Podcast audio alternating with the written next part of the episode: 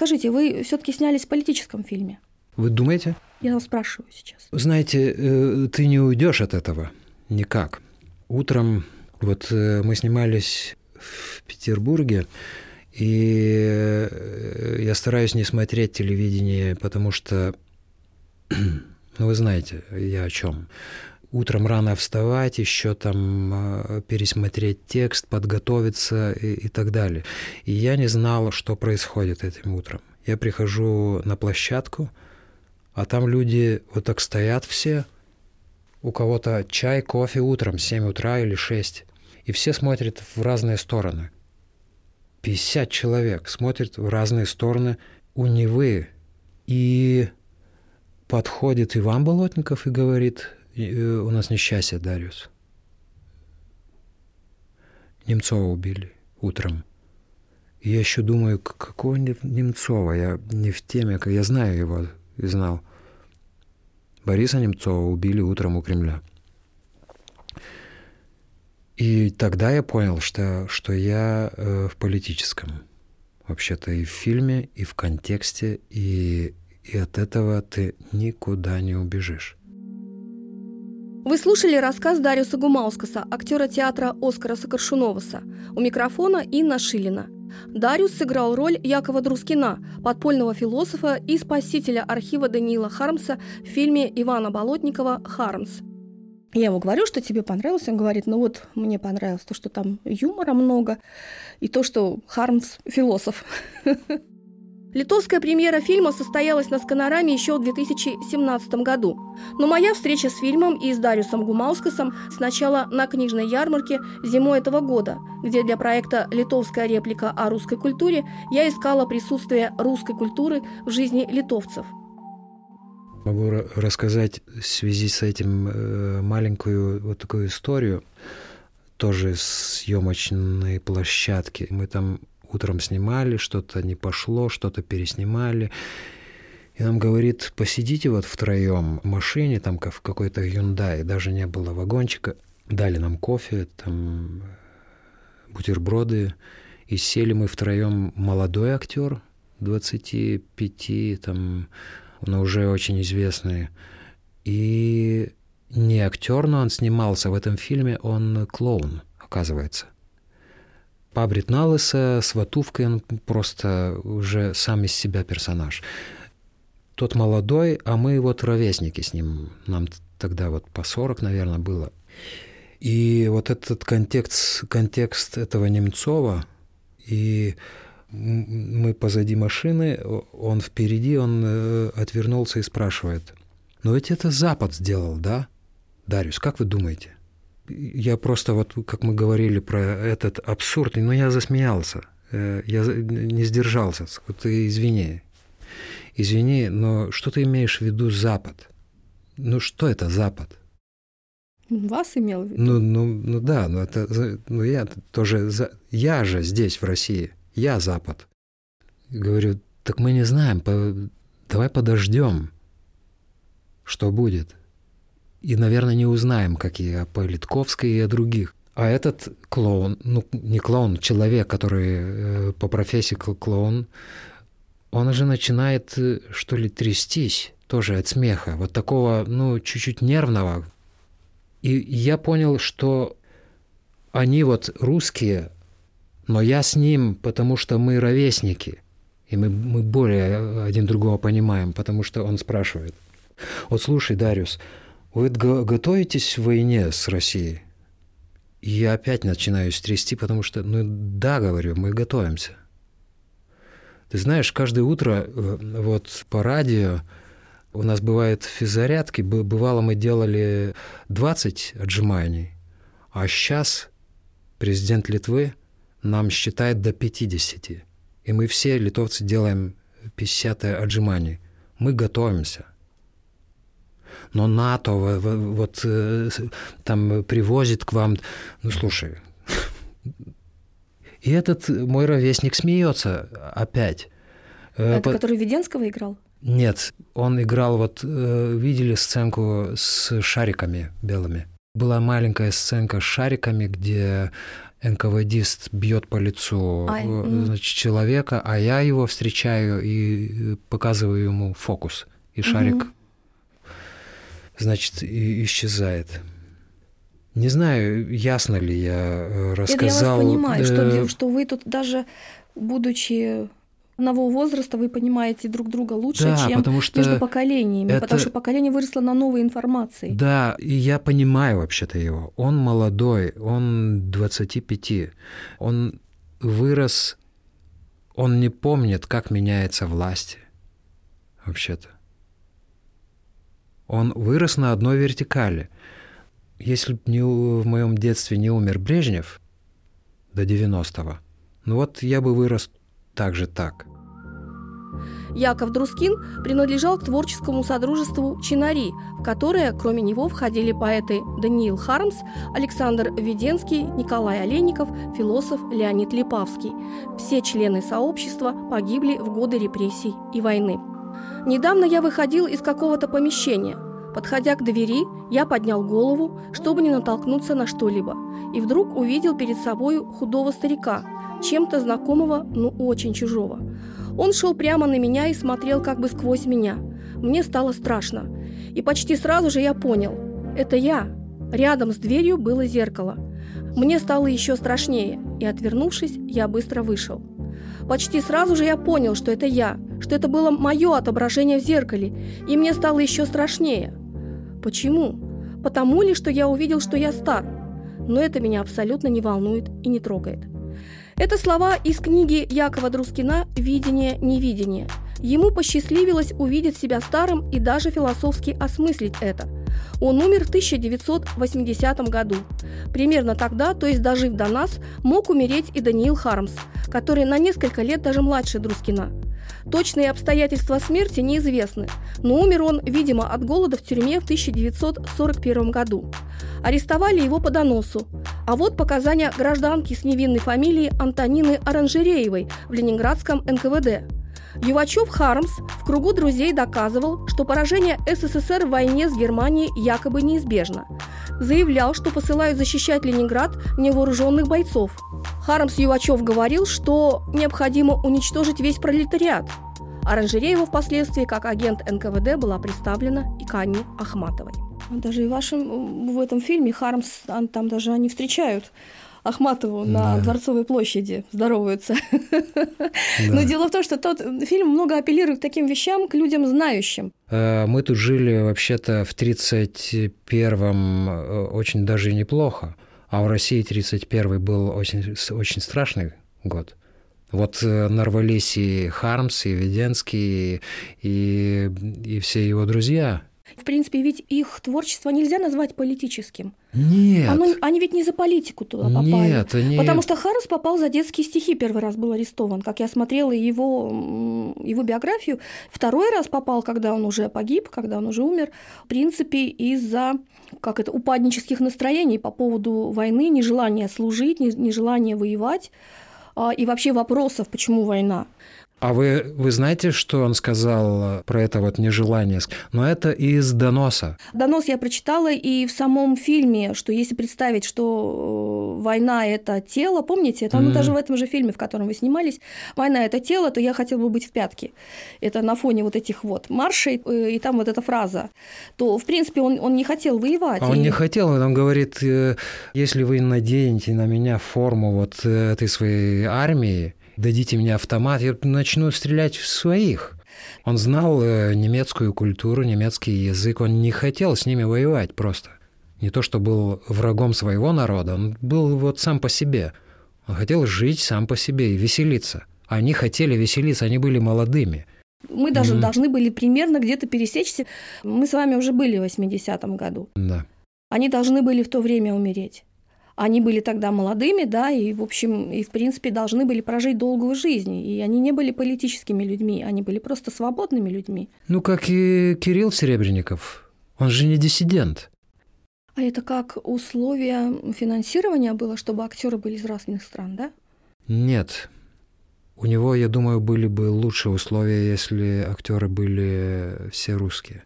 То есть это его какой-то личный выбор? Да, он даже ухудшил себе этим э, свои условия, потому что Вы знаете, он хотел он хотел, чтобы эти люди, эти абериуты, они были чужими.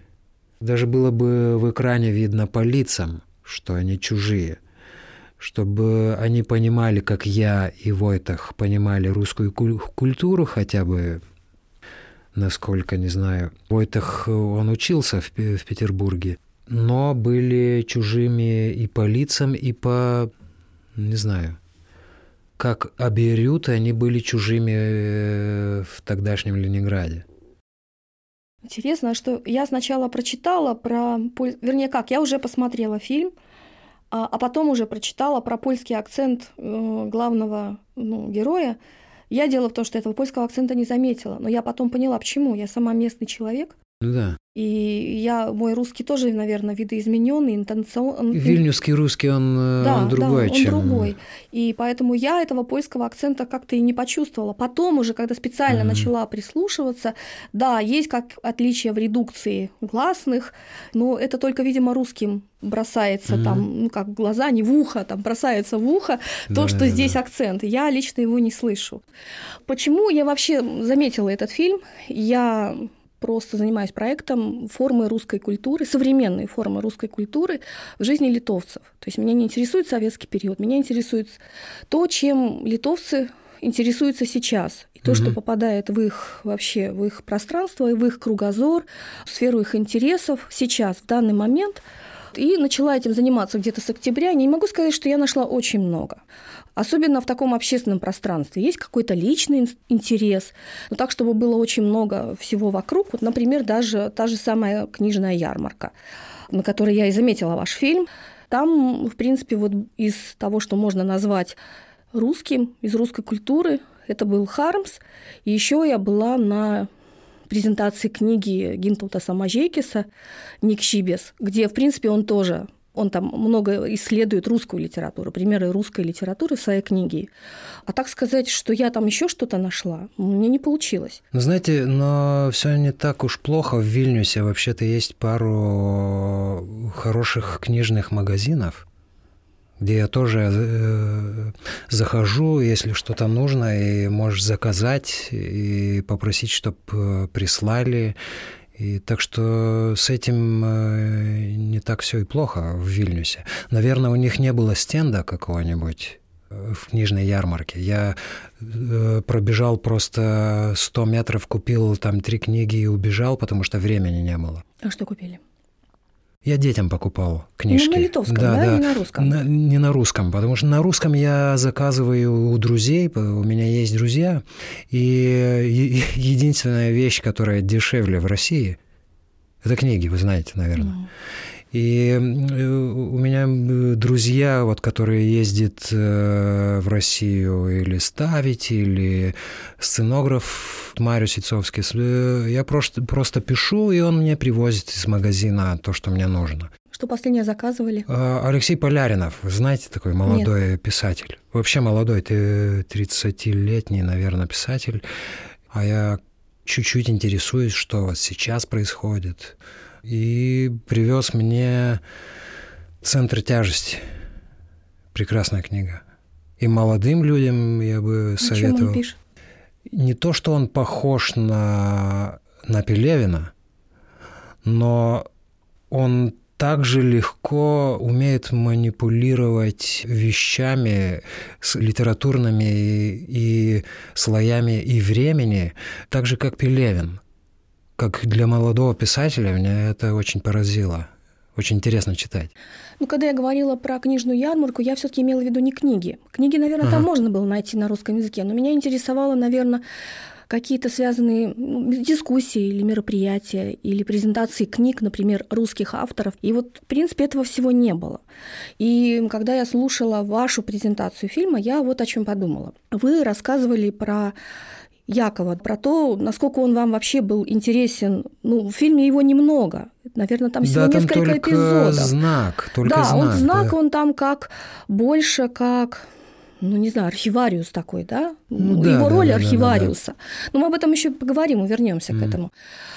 И вы сказали, что читали его книги, его тексты. Я мне не читала его тексты, но я открыла и поискала его там его биографию, и мне было, во-первых, интересно узнать, что он его отец, кстати, из Вильнюса. При жизни его издали только какую-то работу про Баха, и причем на украинском языке.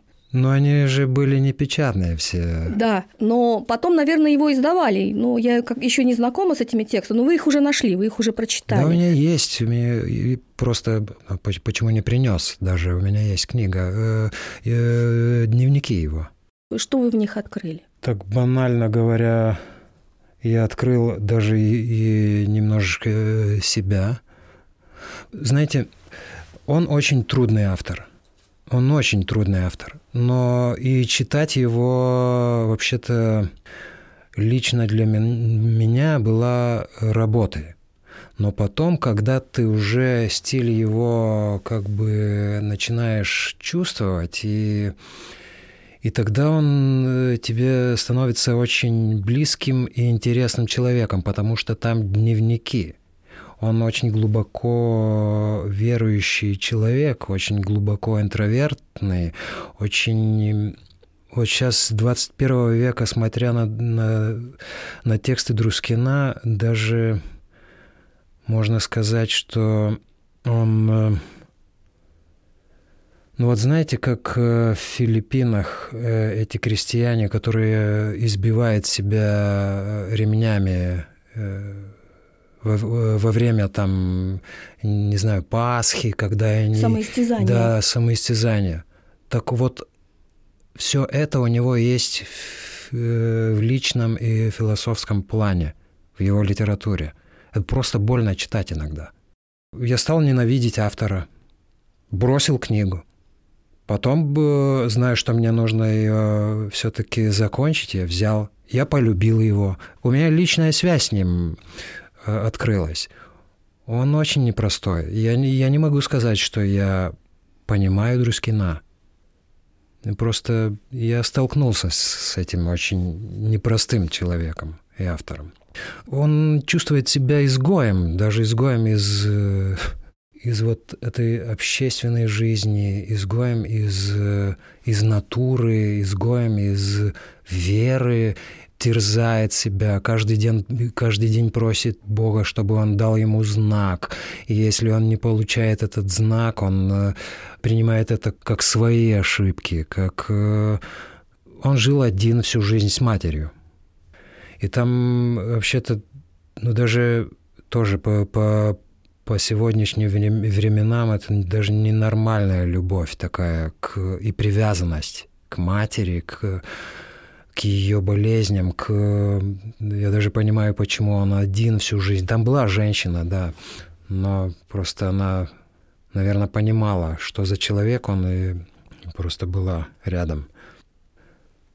Не знаю, я ответил ли, но э, трудный автор и очень интересный. А вы бы считали нужным, например, чтобы его читали в Литве в более широком смысле? Вообще перевели бы на литовский язык? Хотя бы не обязательно сразу всю книгу.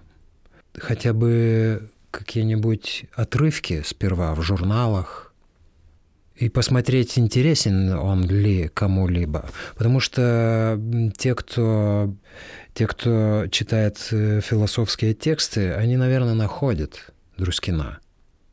Я встречал людей в Вильнюсе, которые моей вот генерации, которые знают его – знает, э, столкнулись, кто, кто читает Аберюты, кто смотрел вот э, кто Друскина Хармса, Веденского, с кем он выпивал, с кем он э, шатался по Питеру, с кем он говорил, так находят люди Друскина. А другие находят просто как философа, очень интересного. Ну ведь видите, вы сказали про люди вашего поколения. Здесь нету еще языкового барьера. Например, люди, которые уже моложе, они не знают русского. Из книги Друскина «Чинари».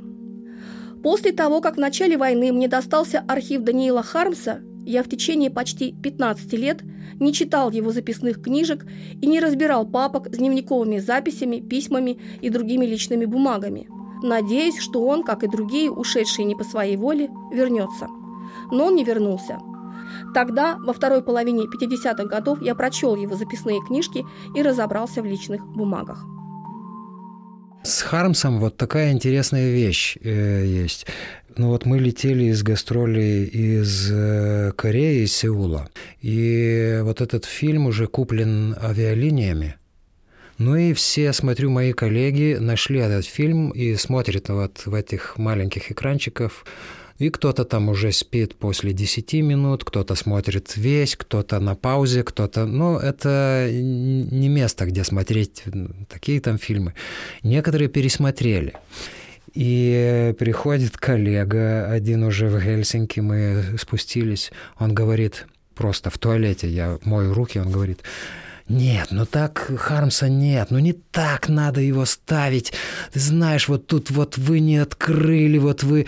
И мне смешно, я понимаю его, я бы тоже точно так бы говорил, потому что те, кто любит Хармса, он играет у Мартина Снединскас, он играет у Оскара Куршунова, Елизавете Бам главную роль.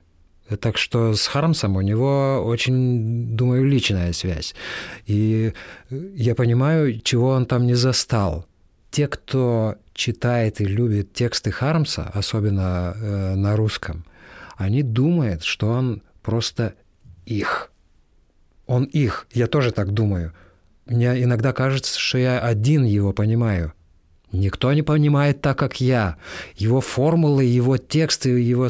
Ну, это какая-то вещь... Вот нету у пушкинистов этого. Я не видел. А те, кто читает Хармса, они просто считают его лично своим каким-то. Я когда была на книжной ярмарке, я попала на несколько встреч, дискуссий, поймала себя на такой мысли, что в Литве проблема сталинизма, она так приобрела такой этнический оттенок, литовский этнический Но оттенок, не широко. Был, он всегда был и не воспринимается широко как общая проблема сталинизма, которая была на очень большой территории. Общечеловеческая, Общечеловеческая. проблема. И она да, все это все в учебнике. Да, да. А это все в учебнике, и они тогда начинают понимать эту историю очень фрагментарно.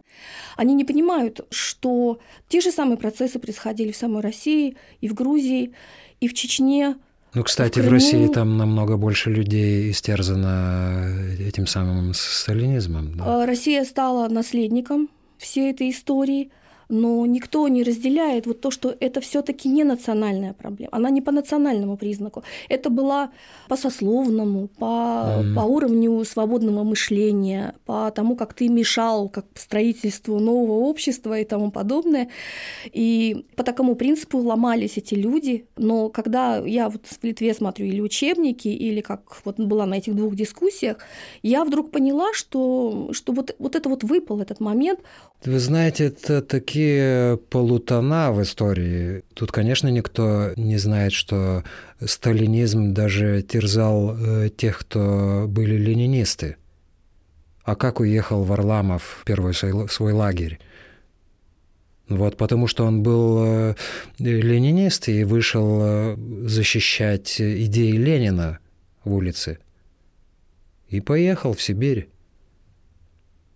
Так что, ну вот такие есть моменты, а тут, э, знаете, ну мы все только знаем, что Лен, Ленин еще не похоронен и лежит э, у Кремля, а вот э, эти все такие полутона, полутона революции, и потом 20-й, потом 30-й, потом 40-й год, эти репрессии даже они отличаются.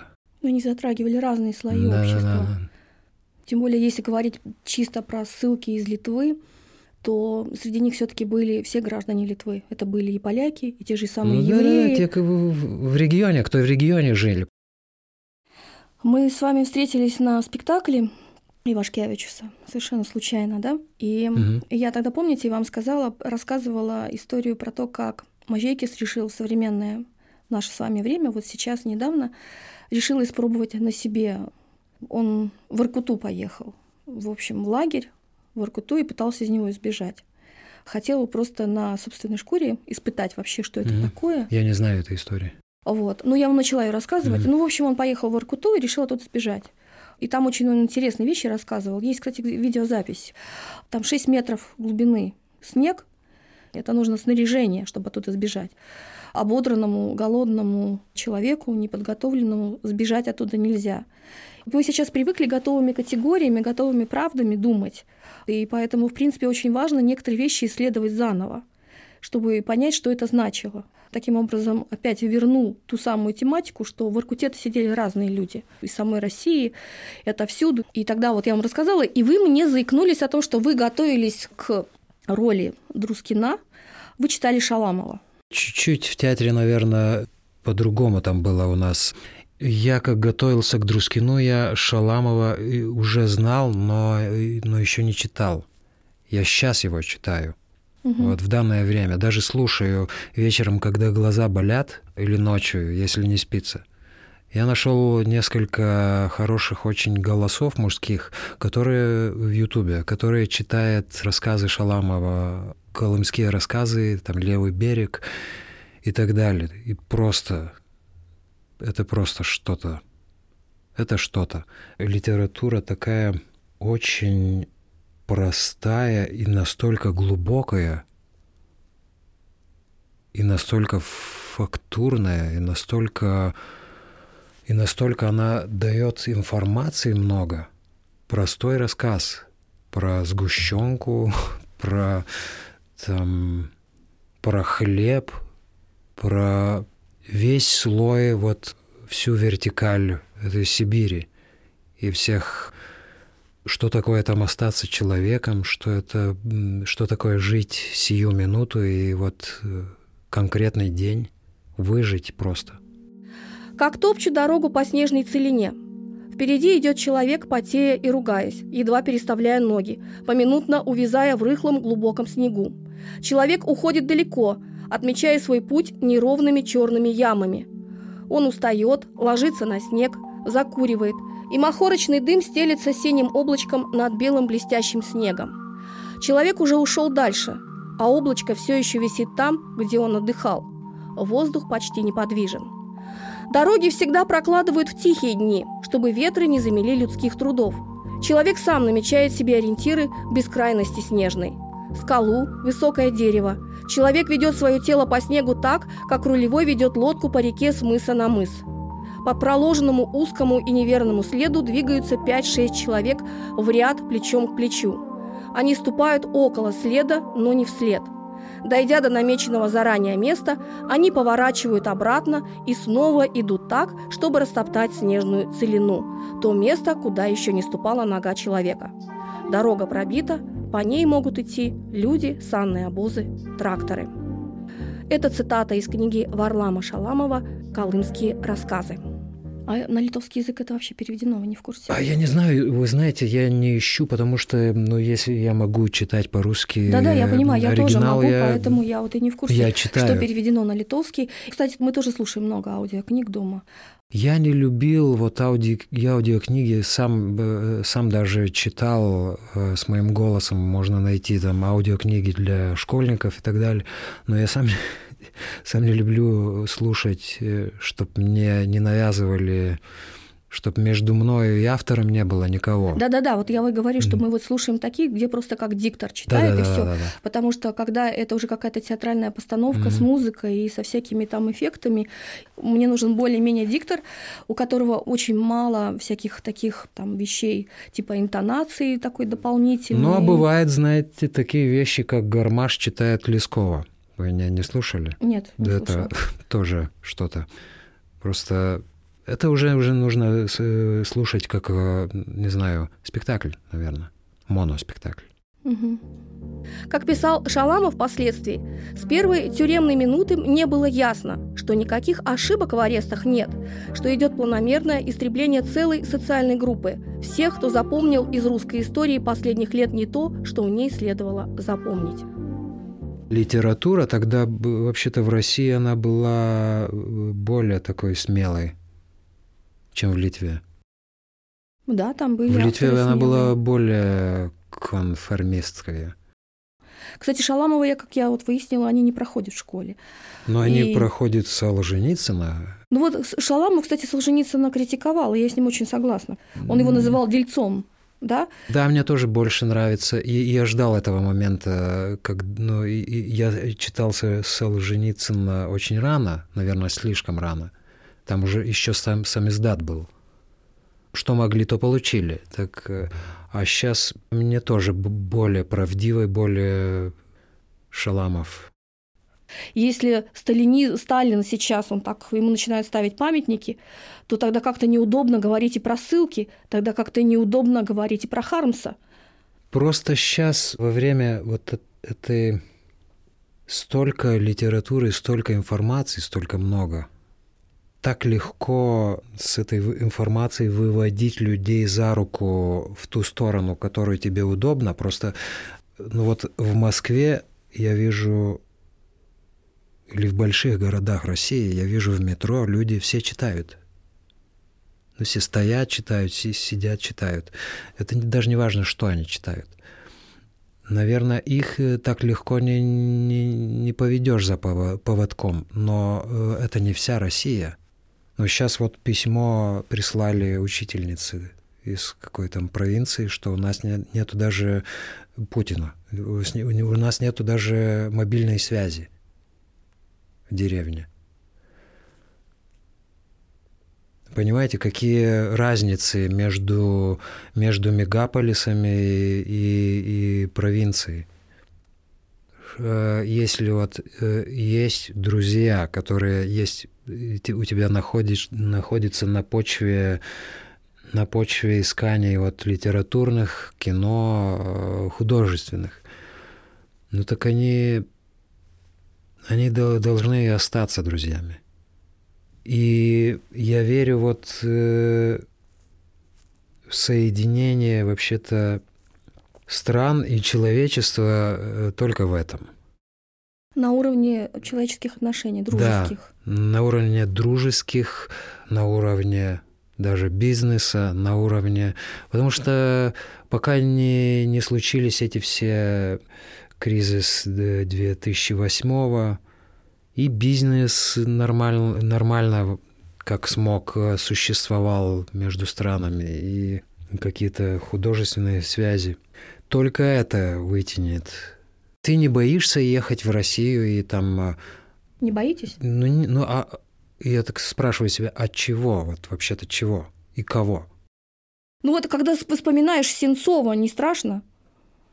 Или там украденного этого на границе, помните, там ну, где-то на границе украли. Этого привезли. эстонца? Ага. И иногда так подумаешь. Ну, значит, судьба, наверное украдет, увижу другую жизнь. У меня так возникла такая мысль, ассоциация, может, я не права, по поводу того, что вот Друскина, вот он там как архивариус выступил, но мы отчасти тоже, как Литва, как такой некий архивариус того, что там гонимо, или то, что там преследуемо, или то, что там... Я даже думаю, что мы могли бы, может, более активно в эту роль выполнять нам дано знание языка и знание культуры. Да, я понимаю вас. Это может быть какие-то и издаты новые, и которые там запрещены, и, и вот э, проект DAO сейчас в Париже выходит. Вы вчера даже смотрел там какие-то отрывки то, что они думают, не может выйти в России, это та же русская культура. Да, я именно это имею в виду, да. да. Потому что, э, вы знаете, э, вот вы говорите, молодые люди не умеют языка, вот не все не умеют. И мне особенно интересно, когда молодые люди на русский язык и э, вот, кириллицу, они смотрят как, ну вот как на французский как на китайский, как на просто... На арабскую как, вязь даже, можно а, сказать, или иврит. Да, как на один из мировых и интересных языков, на котором много, э, можно много чего-то найти. Если вот эта молодая девушка э, Ахматову нашла через английский язык, Э, если не она, то дочь ее, так значит, все-таки найдет Ахматову через кириллицу. Эти дороги так вот просто не, не зарастает.